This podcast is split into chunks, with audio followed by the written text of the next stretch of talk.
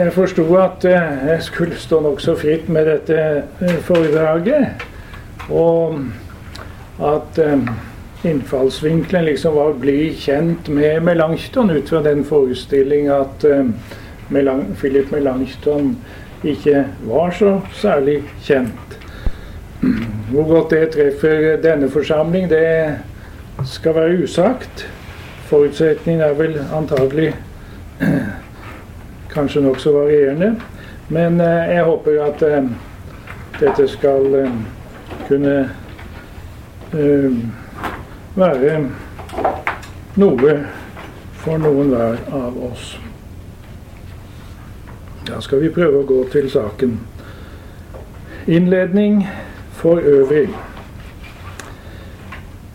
Philip Melanchthon ble født 16.2.1497 og døde 19.4.1560.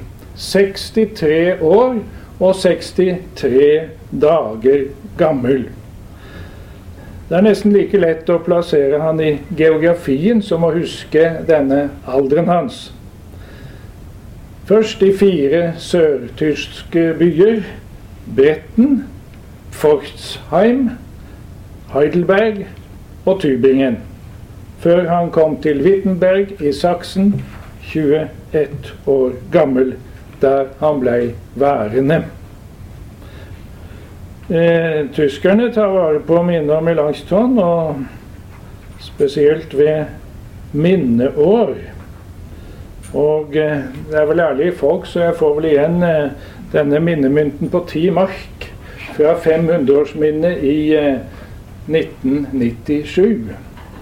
Eh, ja, utgitt av eh, Tyskland. Philip Melanchthon. Og der står det rundt på mynten står det som eh, Gespräch geboren. Vi er født til samtale.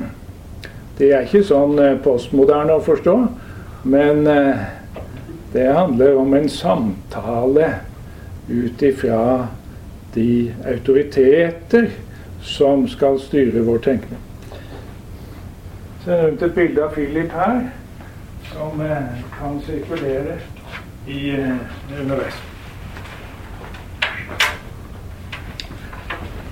At Melanchthons virke er viktig for eh, Foreningen for bibel og bekjennelse, sier seg sjøl, når du vet at han er hovedforfatter til et av våre fem bekjennelsesskrifter, nemlig den augsburgske bekjennelse fra 1530, Confessio Augustana, eller bare Augustana, som vi sier.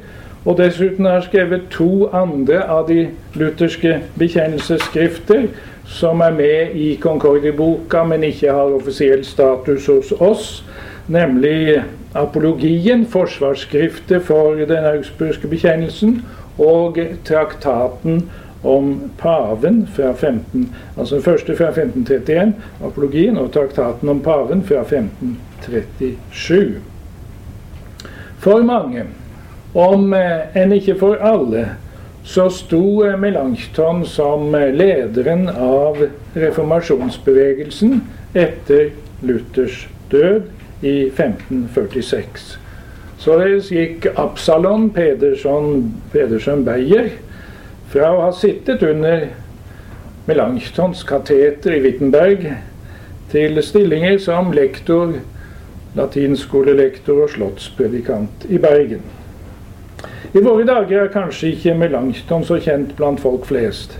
Nei, men eh, det var neppe tilfeldig at både Barken, eh, Morten, Luther av Tvedestrand og Barken Melanchthon av Arendal jeg tror nok min oldefar var kaptein på sistnevnte.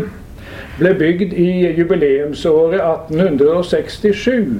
Altså 350 år etter reformasjonens begynnelse. Da husket man dem begge.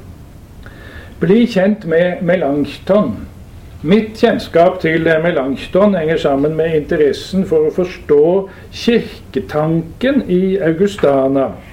Så doktoravhandlingen min er på en måte et eh, forarbeid til en historisk tolkning av Augustana. Augustanas kirkebegrep er kritisk, Kirken er forsamlingen av helgener der evangeliet blir lært rent og sakramentene forvaltet rett, sier artikkel 7. I den oppløsningstid som vi lever, er det livsviktig å besinne seg på hva det er å lære evangeliet rent og å forvalte sakramentene etter Kristi innstiftelse. Jeg gikk i gang med å studere Luther, men ble råda til å konsentrere meg om Melanchthon. Avhandlingen min er et bidrag til diskusjonen om Melanchthons profil som akademisk aktør og politisk aktør, som teolog og som forhandler, især under riksdagen i Augsburg i 1530. Nå har dere fått høre hva den heter. Concordia Ecclesia, det betyr Kirkens enighet.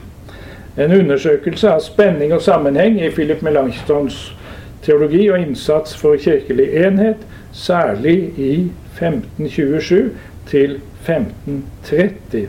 Den er trykket i et lite antall eksemplarer. Eh, jeg har eh, to igjen for salg som ligger på det bordet der.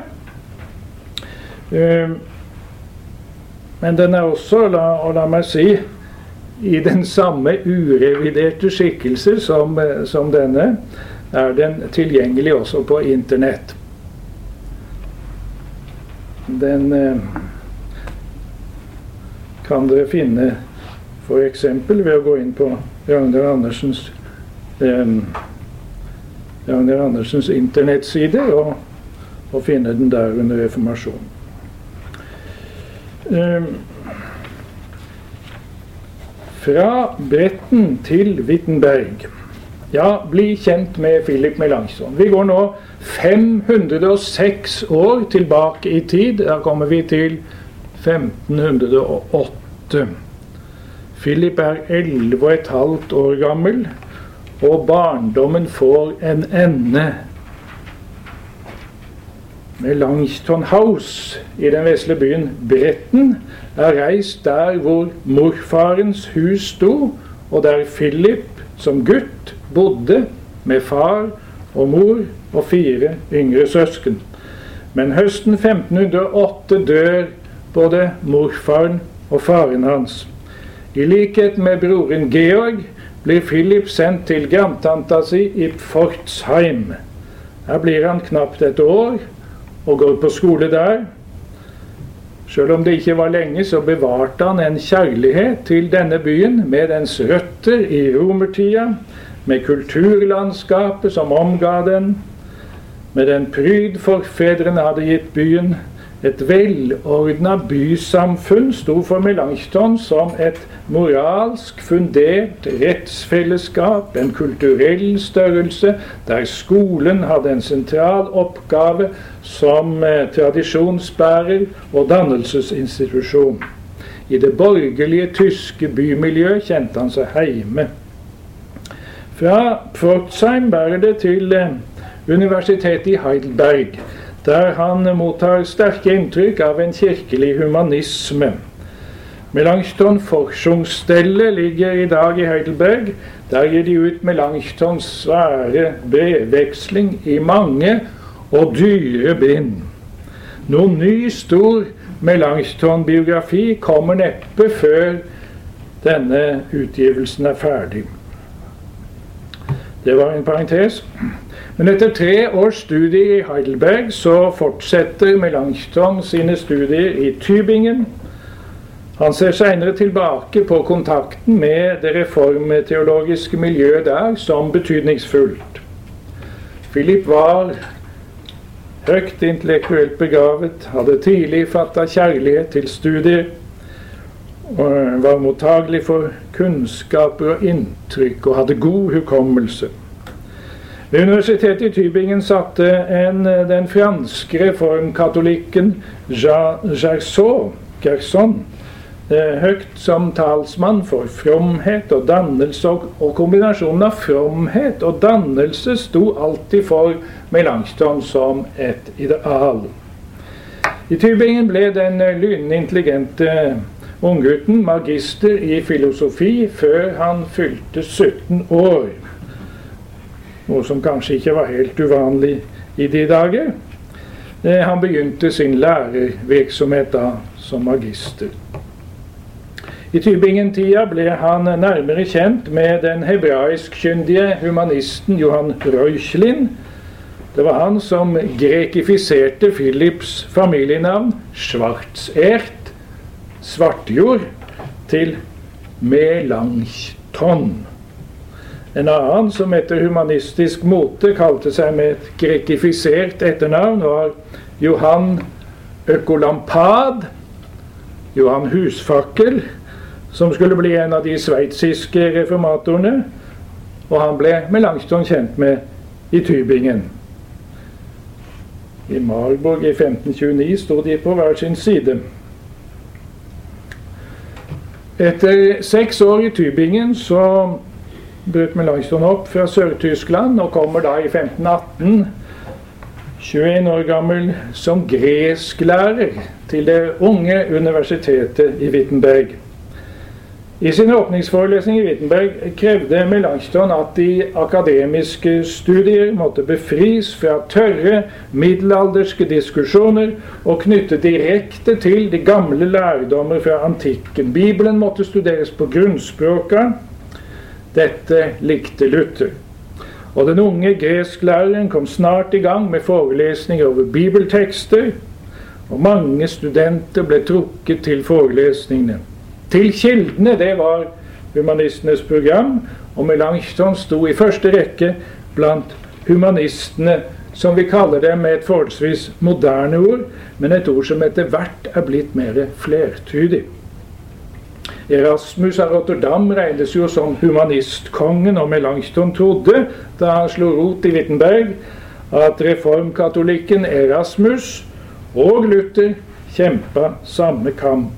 Det viste seg etter hvert å være mer komplisert enn som så. Men det varte ikke lenge før den velkjente aktelsen mellom Melanchthon og den eldre professorkollegaen Luther var etablert. Luther fordypa seg i gresk under Melanchthons veiledning, og Melanchthon arbeidet ivrig med teologien. Og studentene fulgte Melanchthons oppfordring til å lese gresk og studere antikken. Ingen av lærerne hadde flere tilhørere ved sine forelesninger enn denne spinkle, men lærde unge magisteren, som snart også gikk i gang med bibeleksegese. Studentene fra Det teologiske fakultetet og vordende teologer fra Artistfakultetet strømmer til forelesningene hans for å lære gresk og for å kunne studere Erasmus' greske NT-utgave. Ja, 500-600, dvs. Si nesten hele studentskaren ved universitetet, kunne trenge seg sammen for å høre denne nye læreren. I mer enn fire tiår, til sin død i 1560, var Melanchthon knytta til det korsaksiske universitetet i Wittenberg, selv om pest krig, særskilte oppdrag som visitaser, riksdager eller religionssamtaler. Til tider holdt han borte fra byen. I 1520 ble han gift med sin Katarina. De fikk fire barn. Tre av dem vokste opp. Å miste lille Georg sommeren 1529 var svært tungt. Etter at de hadde bodd beskjedent i mange år, ble Melanchthon i 1536 påskjønnet av den saksiske korfyrsten med Melanchthonhuset, som i dag er museum i Wittenberg. Dattera Magdalena og svigersønnen, som gifta seg i 1550, ti år før Melanchthon døde, de bygde hus i hagen, og Melanchthon hadde stor glede av dem og barnebarna. Nå har jeg lyst til å vise dere hvordan det så ut.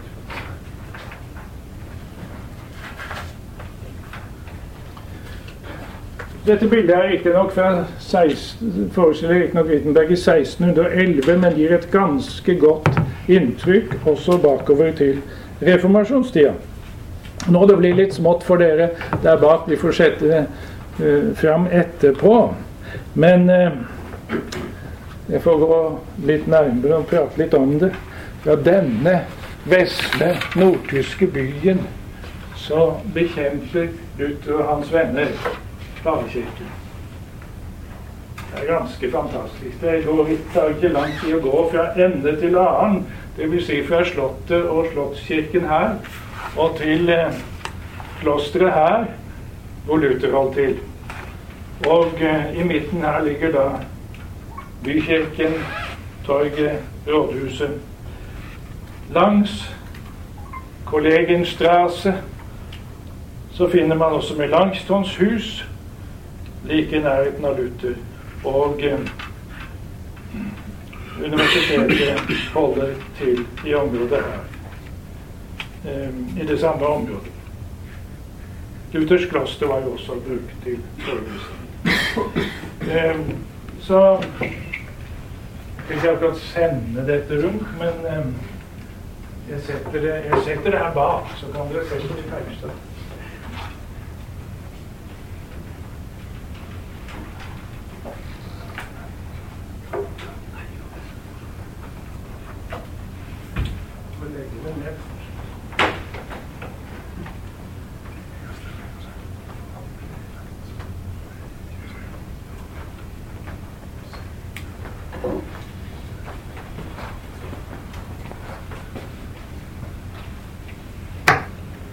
Melanchthon som reformator.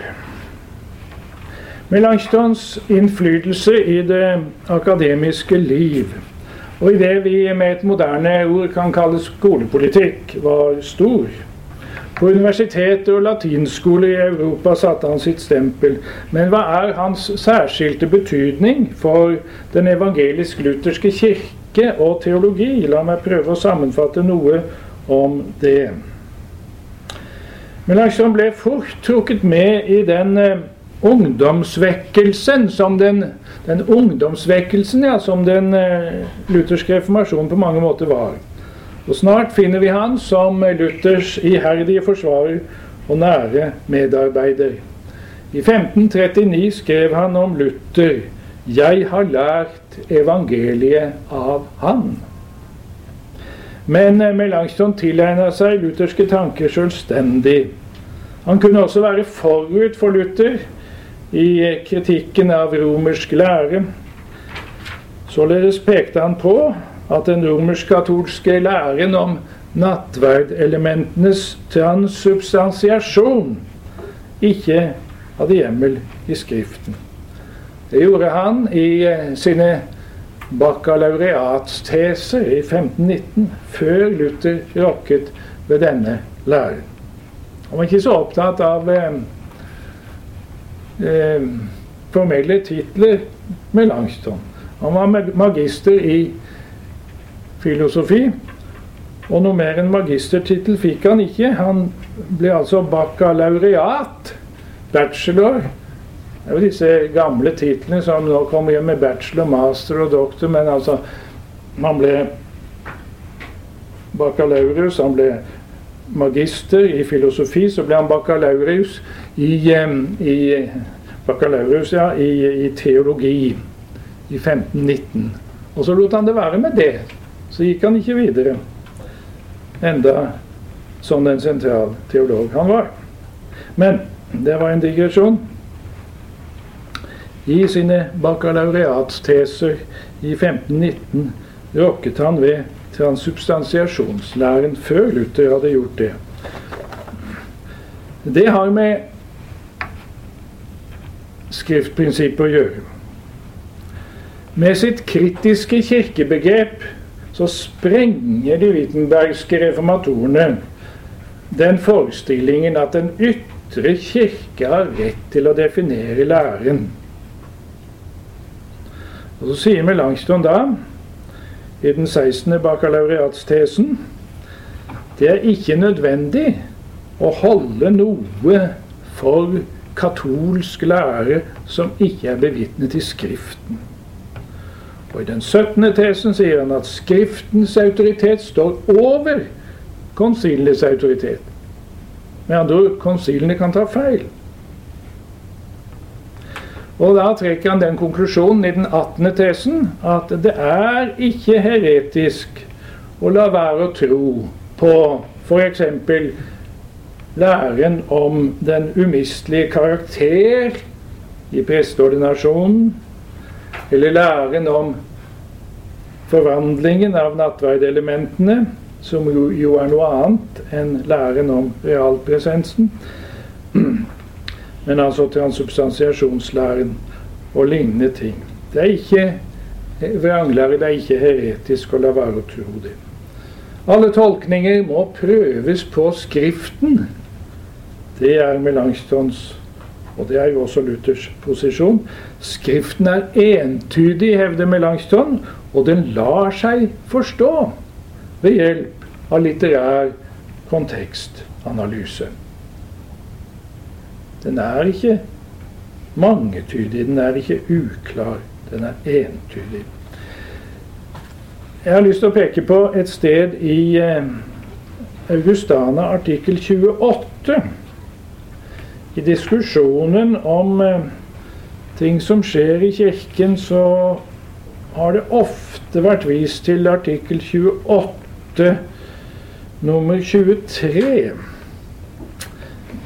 Men når de, altså biskopene, lærer eller fastsetter noe som strir mot evangeliet, da har menigheten en befaling fra Gud som forbyr å lyde dem. Evangeliet som normbegrep, ja. Men hvordan skal man her nærmere forstå det? I sammenhengen kommer noe annet som også gjerne kunne vært flittig referert til. Og det er i Augustana 28, 28 jeg tenker på. Eh, der hvor eh, det heter at Augustin sier man bør heller ikke gi de katolske biskoper medhold dersom de tar feil noen steder eller mener noe som strider mot Guds kanoniske skrifter. Sammenhengen her så er det to sider av samme sak. Noe som strir mot evangeliet, og noe som strir mot Guds kanoniske skrifter. Det er altså skriftprinsippet det handler om. Nå er det så at Melanchthon mer og mer betonte sammenhengen mellom den evangeliske kirke i samtida og Oldkirken. Etter reformatorenes oppfatning var det ikke de som kom med noe nytt, men dels hadde Romerkirken innført nye og fremmede lærdommer og ritualer, og dels kom gjendøpere og andre på reformasjonens venstre fløy med nye ting. Noe nytt ville verken Luther eller Melanchthon komme med.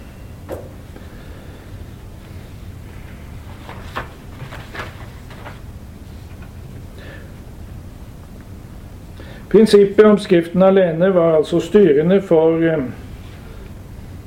Melanchthon som det var for Luther.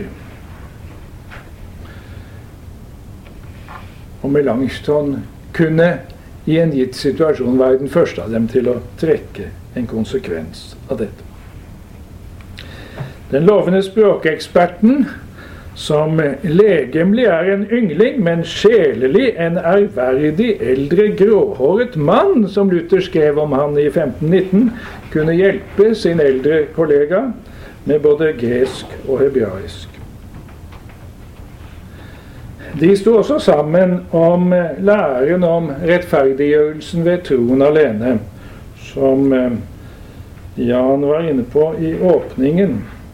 Og det kan neppe være tvil om at de to utfoldet sin evangeliske rettferdiggjørelseslære under gjensidig, gjensidig påvirkning.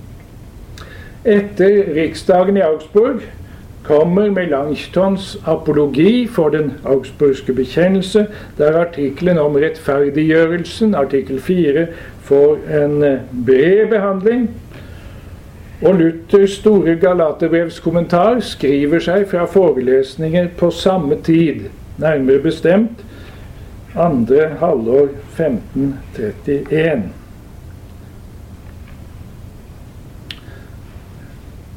Jeg skal prøve å knytte et par bemerkninger til Luthers og Melanchtons rettferdiggjørelseslære. Noen mener at um, Luther Nei, noen mener at Melanchthon eh, på en måte bryter ned Luthers dynamiske og organiske rettferdiggjørelseslære.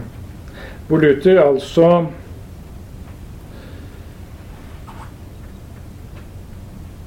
på en måte holder rettferdiggjørelsen og helliggjørelsen sammen som et organisk hele. Idet du ved troen tilegner deg Kristus, rettferdiggjør han deg og virker gjennom deg det nye liv. Melanchthon betoner den forensiske rettferdiggjørelse som, eh, som Jan var inne på. Altså rettferdiggjørelsen som en domsavsigelse for den himmelske domstol, der Gud erklærer synderen for rettferdig å være. For Jesus skyld, ved troen. Og så kommer da helliggjørelsen som en åndens frukt. Jeg tror at dette egentlig kan forstås som like organisk og dynamisk som Luthers måte å tenke på.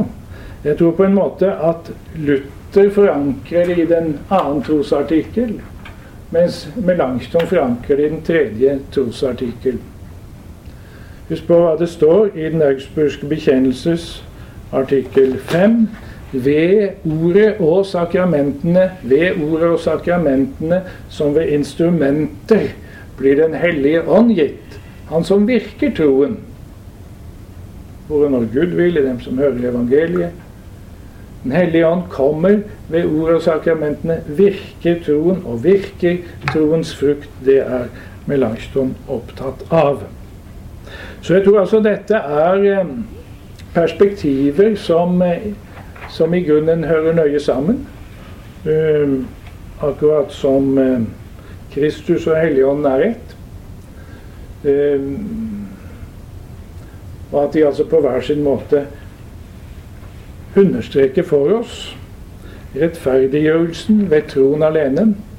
Men troen er aldri alene, men alltid sammen med kjærligheten, som er frukt av troen og uavlatelig virksom i det nye liv.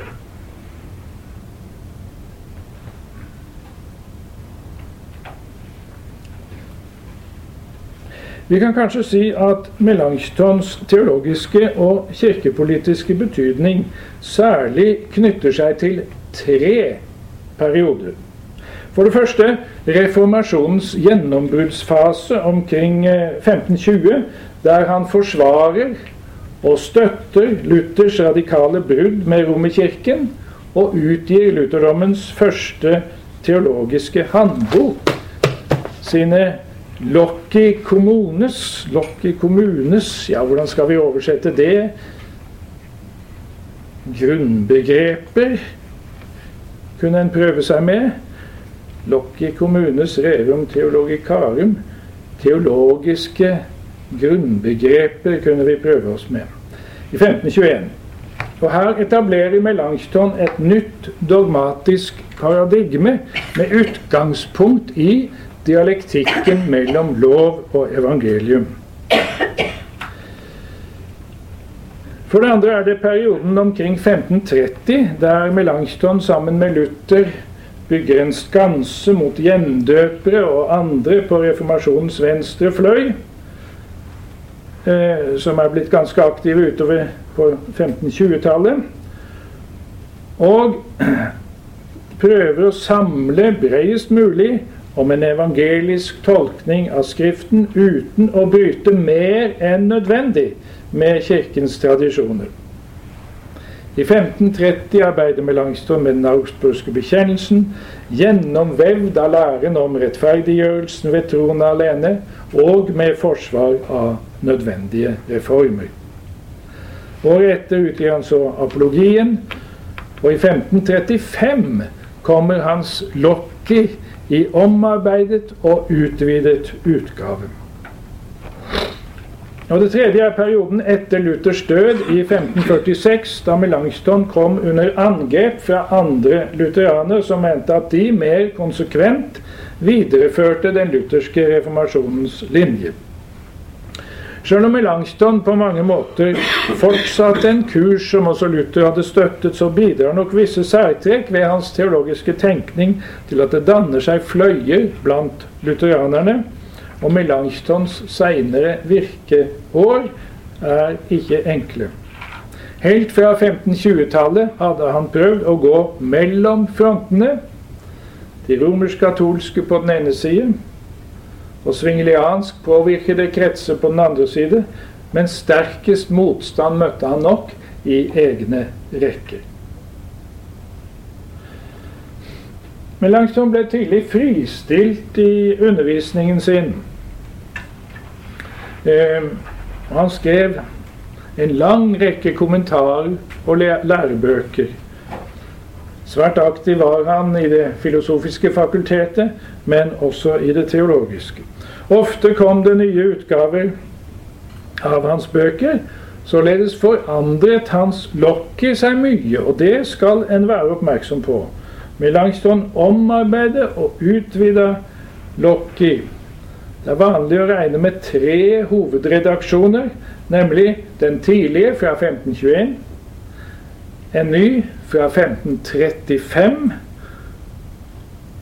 som allerede nevnt, og en siste fra 1543-44. Den aller siste versjonen i Melanchthons levetid den kom i 1559. Ved siden av Luther sjøl, f.eks. i Den lille katekisme, så var vel Melanchthon den som framfor noen andre gjorde den reformatoriske læren tilgjengelig på klar og lettfattelig måte. Han var intenst opptatt av at eh, teologien må drives vitenskapelig. Det betyr at den bibelske åpenbaringen er gitt i en historisk ramme som vi må lære å kjenne, og på et språk som vi må lære å forstå. Det betyr videre at vi må studere tekstene etter en logisk metode og tolke dem i samsvar med deres egenart. Og Melanchthon framholdt romerbrevet som nøkkel til Skriften og mønster for teologien. De enkelte skriftord og tekster i Bibelen må vi se i lys av de trosartikler eller lærestykker, altså lokki, som de handler om. Og hele Skriftens innhold kan ifølge reformatorene deles i de to hoveddelene lov og evangelium. Melanchthon hevder at læren må begynne med loven, som forskrekker og dømmer. Frykt og bot går forut for tro og synsforlatelse.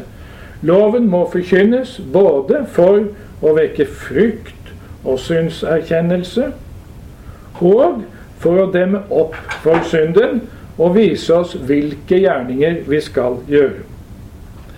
I Lukas 24, 47 sier Jesus at i hans navn skal omvendelse og syndenes forlatelse forkynnes for alle folkeslag. Eh, det ordet av Jesus, det står for Melanchthon som en nøkkel til den rette forkynnelsen av evangeliet. Omvendelse og syndenes forlatelse. Bot og syndenes forlatelse. Målet med forkynnelsen er at mennesket gjør bot og tror evangeliet og som frukt av det gjør gode gjerninger. Melanchthons profilering av evangelisk-luthersk kristendomsforståelse utfordra dem som i egne, dem i egne rekker som snarere ville dempe forkynnelsen av loven enn skjerpe den. Dermed kom det på 1520-tallet til en forpostfektning foran de seinere antinomistiske stridene. I sin kjerne så handla uenigheten om hvordan mennesker blir omvendt. Skjer det ved lov og evangelium, som Melanchthon hevda? eller skjer det ved evangeliet alene, som eh, Johan Agricola mente? Luther og bekjennelsesskriftene hevder det grunnsynet som Melanchthon sto for. Lov og evangelium. Forholdet mellom Luther og Melanchthon jeg fikk for en tid siden i oppdrag å skrive for Delks blad underveis om Luther og Melanchthon som, som radarpar eller rivaler. Og jeg bruker frimodig det som jeg skrev der. Synet på forholdet mellom Luther og Melanchthon preger en kirkehistorikers helhetsoppfatning av reformasjonen. Og diskusjonen om forholdet mellom de to er gammel. Etter Luthers død ble Melanchthon og de såkalte filippistene de som eh, støtta seg til Melanchthon, de ble motarbeidet av de såkalte gnesiolutheranerne, de som mente seg å være de ekte lutheranerne. Som mente at Melanchthon gikk på akkord både i forholdet til de romersk-katolske og i forholdet til kalvinistene. Men eh, den konfesjonelle lutherdom på 1800-tallet holdt de to reformatorene sammen. De ligger også begravet vis-à-vis -vis hverandre i Slottskirken i Wittenberg og to, store, to svære 1800-tallsstatuer av dem står på torget i byen. Husk at Luther og Melanchthon begge står bak tre bekjennelsesskrifter hver i Concordia-boka.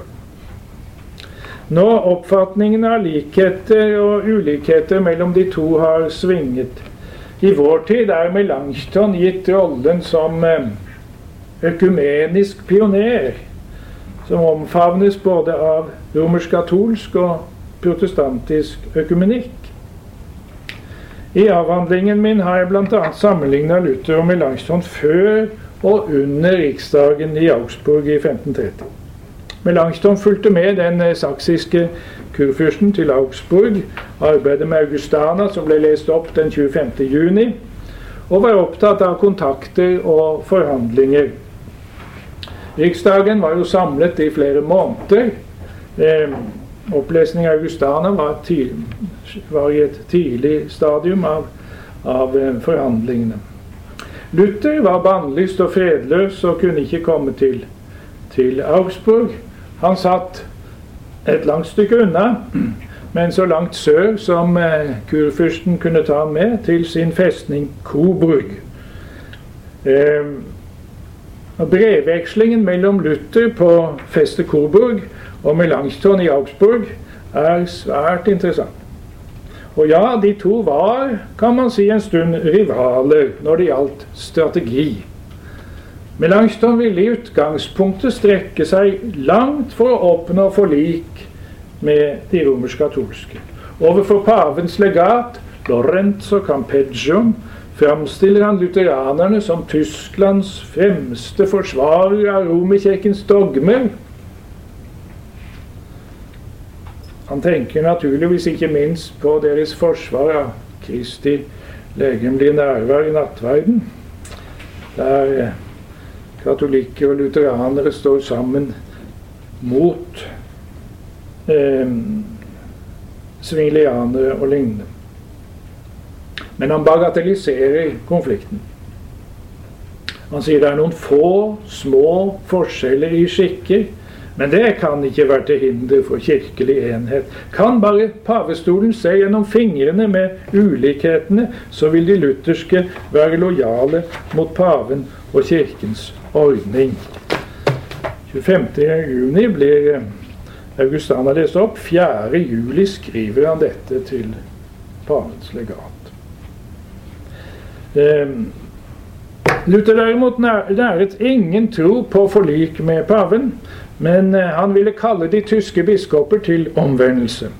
Og Luther krever ikke bare at de aksepterer evangelisk praksis, men at de tar oppgjør med egen tidligere praksis, med alt det nye og ubibelske som er kommet inn, enten det nå er basert på gjerningsrettferdighetstenkning, blanding av kirkelig og verslig makt, eller ønske om økonomisk vinning. Særlig går Luther til felts mot botslæren og messeofferlæren. Nå tenker jeg på hans formaning til kirkefyrstene, som han sendte da eh, ved den tid Riksdagen ble samlet. Eh,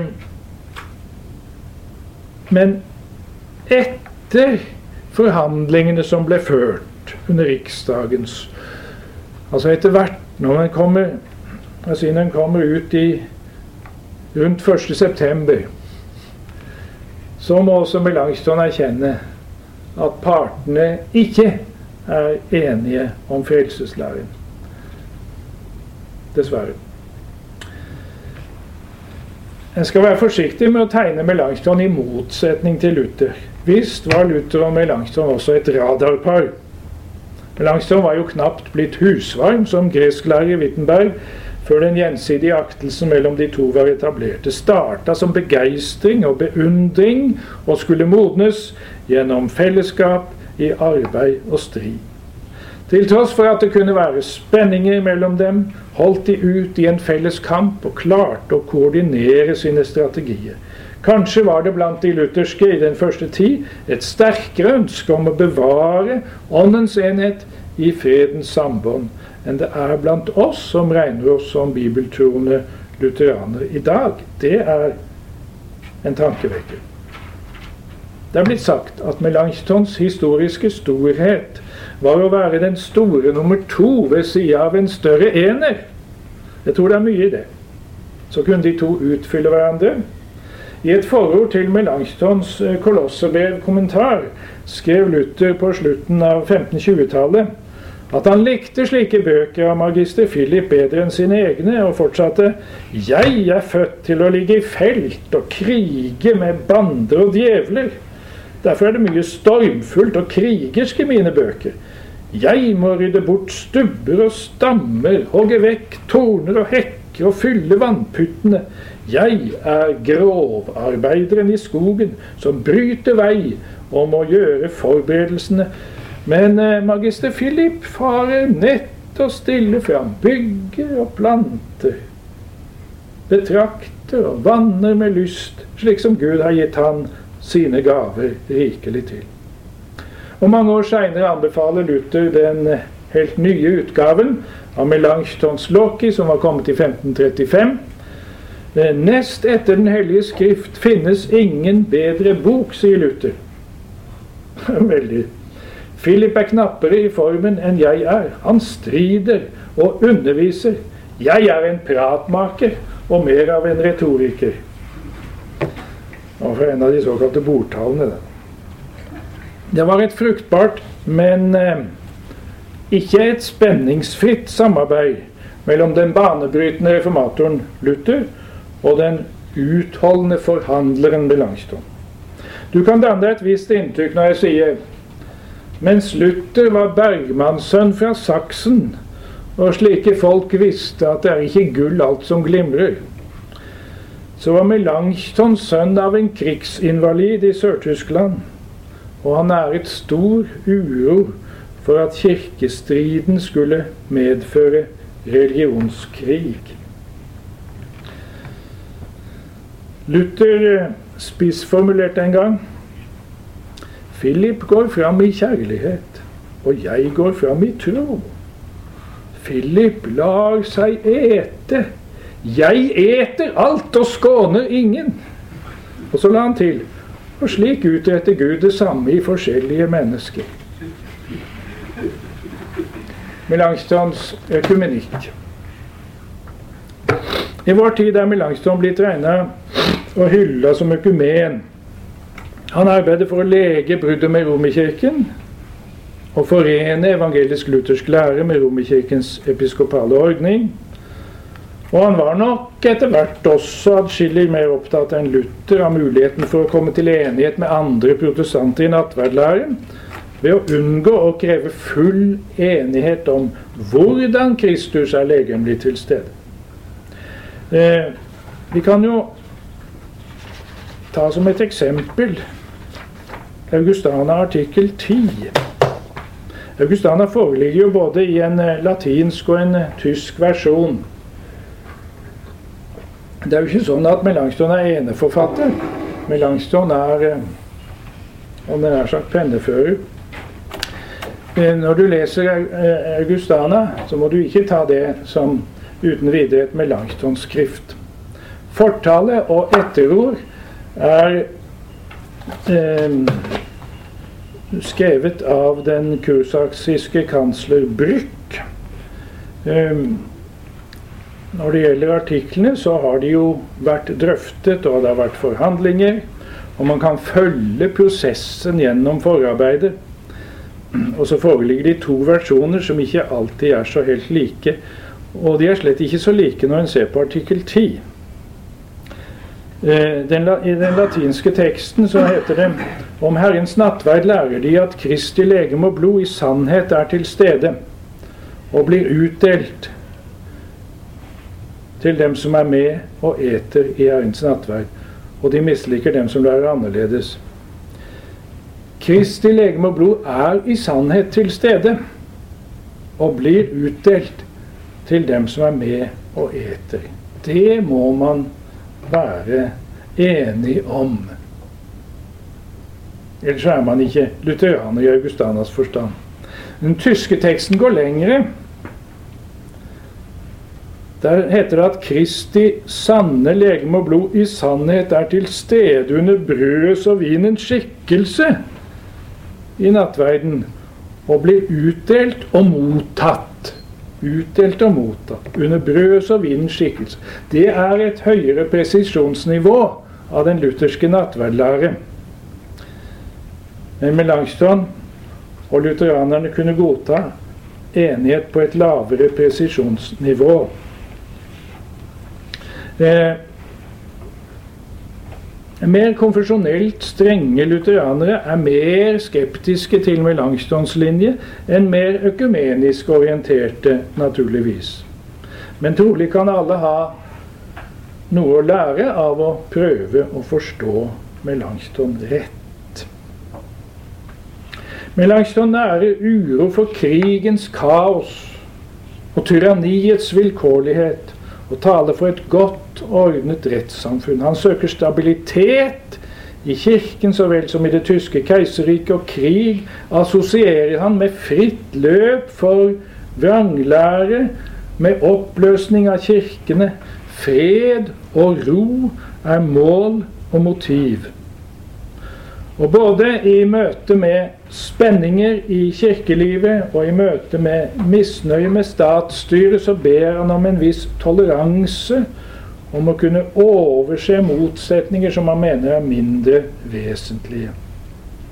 Jeg nevnte et skriftsted fra Lukas evangeliet som er sentralt hos Melanchthon. Et annet skriftsted finner vi i første Korinterbrev, det tredje kapittel, hvor Paulus taler om å bygge på den grunnvoll som er lagt. Ingen kan legge en annen grunnvoll enn den som er lagt der, Jesus Kristus. 1. Korinterbrev 3,11. Men så fortsatte jo apostelen med å tale om at det kan være folk bygger med så forskjellig materiale på grunnvollen. Ikke bare med gull og sølv og kostelige steiner, men også med tre og høy og strå. Om det verk som en har bygget, står seg, da skal han få lønn, men om verket brenner opp, skal han tape lønnen. Men selv skal han bli frelst, dog således som gjennom ild, om han bare bygger på grunnvollene. Dette er viktig for Melanchthon. De hellige kan gjøre mange feil, kan ta feil i mye, men bare de i troen hører Kristus til å bygge på troens grunnvoll, så er de en del av den sanne kirke. Hele sitt voksne liv så arbeider Melanchthon med å framstille den evangeliske læren tydelig, og samtidig så søker han altså veier til å overvinne splittelsen mellom protestantene og med de romersk-katolske, og prøver å utvide lutheranernes kirkelige fellesskap. Og Det skjer ut ifra en overbevisning om at vi har en forpliktelse til å engasjere oss ut fra en bestemt verdimessig rangorden. Kristi ære og dermed sann tro og sant kristent liv har førsteprioritet. Kristi ære og menneskers frelse fremmes ved at evangeliet bekjennes, og ved enighet om hva kristendom er. Og Derfor er også ro i Kirken og rett forkynnelse og sakramentforvaltning viktigere enn landefred og viktigere enn politisk stabilitet.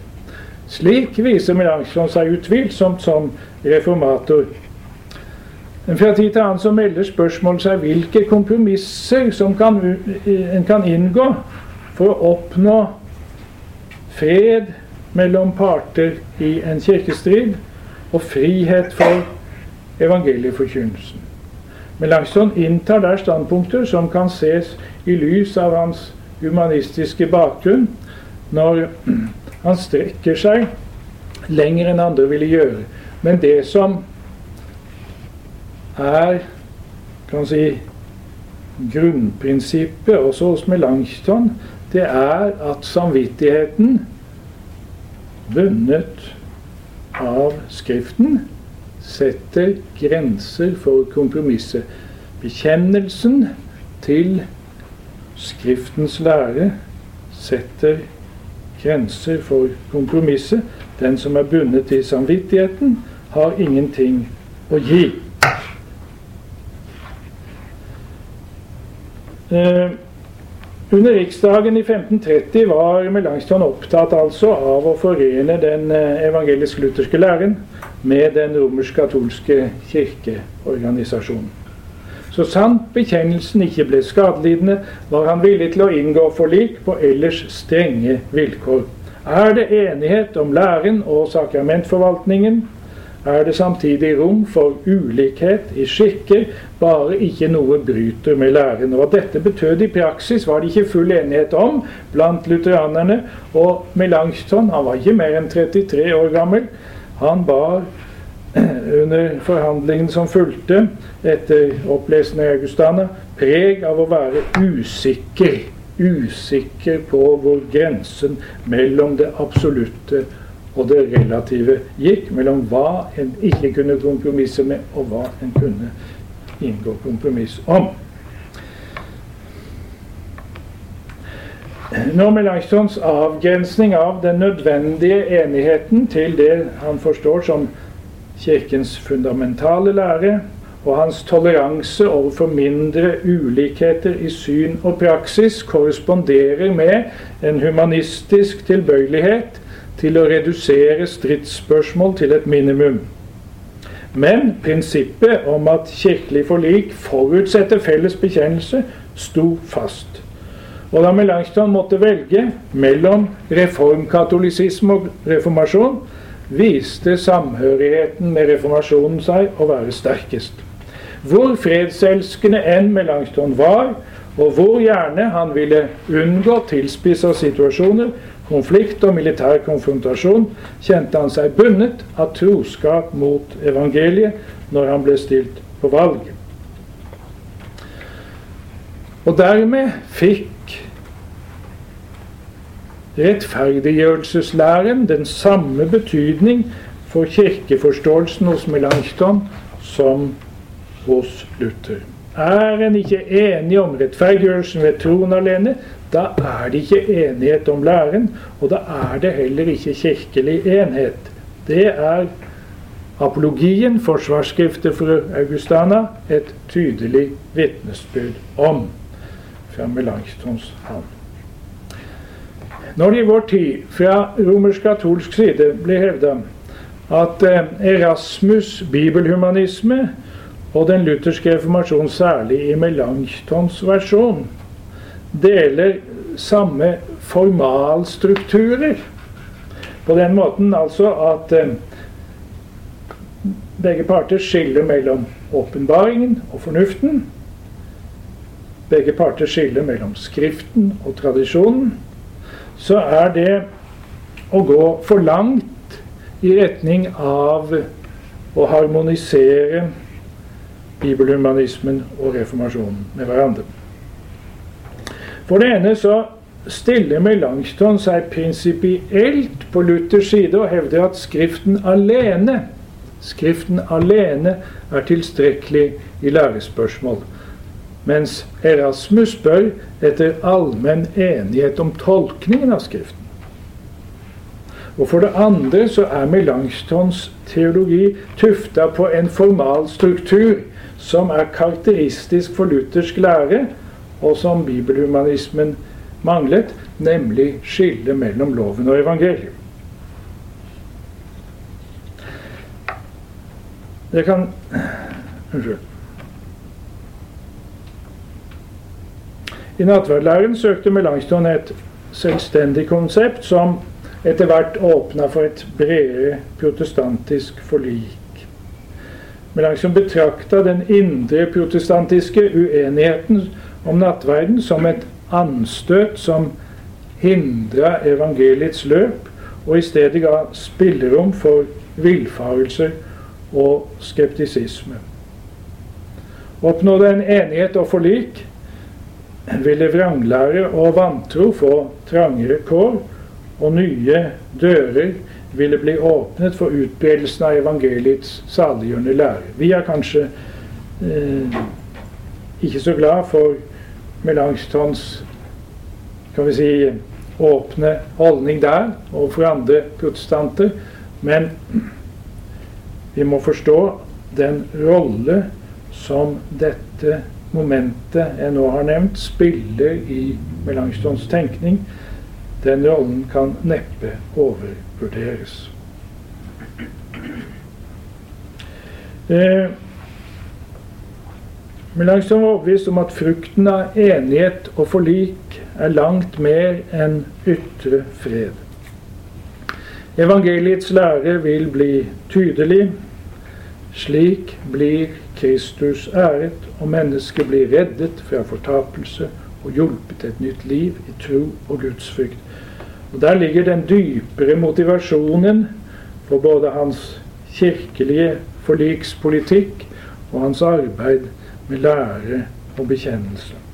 Det kan neppe være tvil om at Luther hadde et sterkere dualistisk perspektiv på livet i denne verden enn Melanchthon hadde.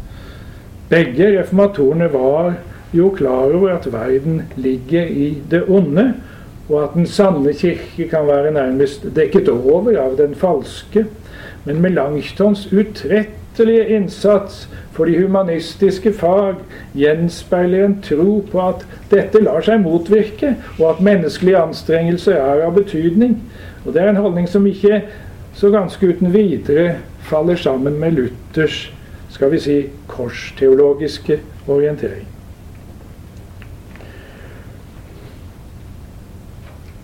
Guds ære og menneskers frelse var grunnmotivet for hans engasjement.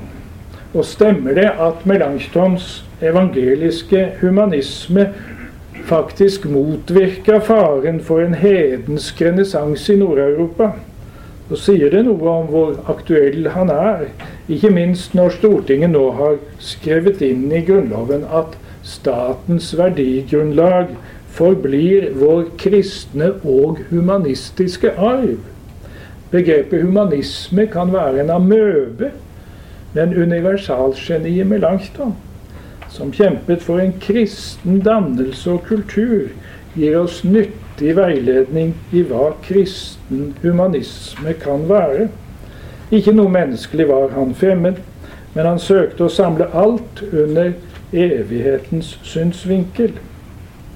I Melanchtons gravferd sa kollegaen Feit Winsheim Vi som nå i mange år har hatt samkvem med denne mannen, vet med sikkerhet at han rettet alle tanker og råd, alt arbeid og all sin iver mot dette ene, og utbre den sanne, visse og klare læren, og å forklare Kristi Guds Sønns ære.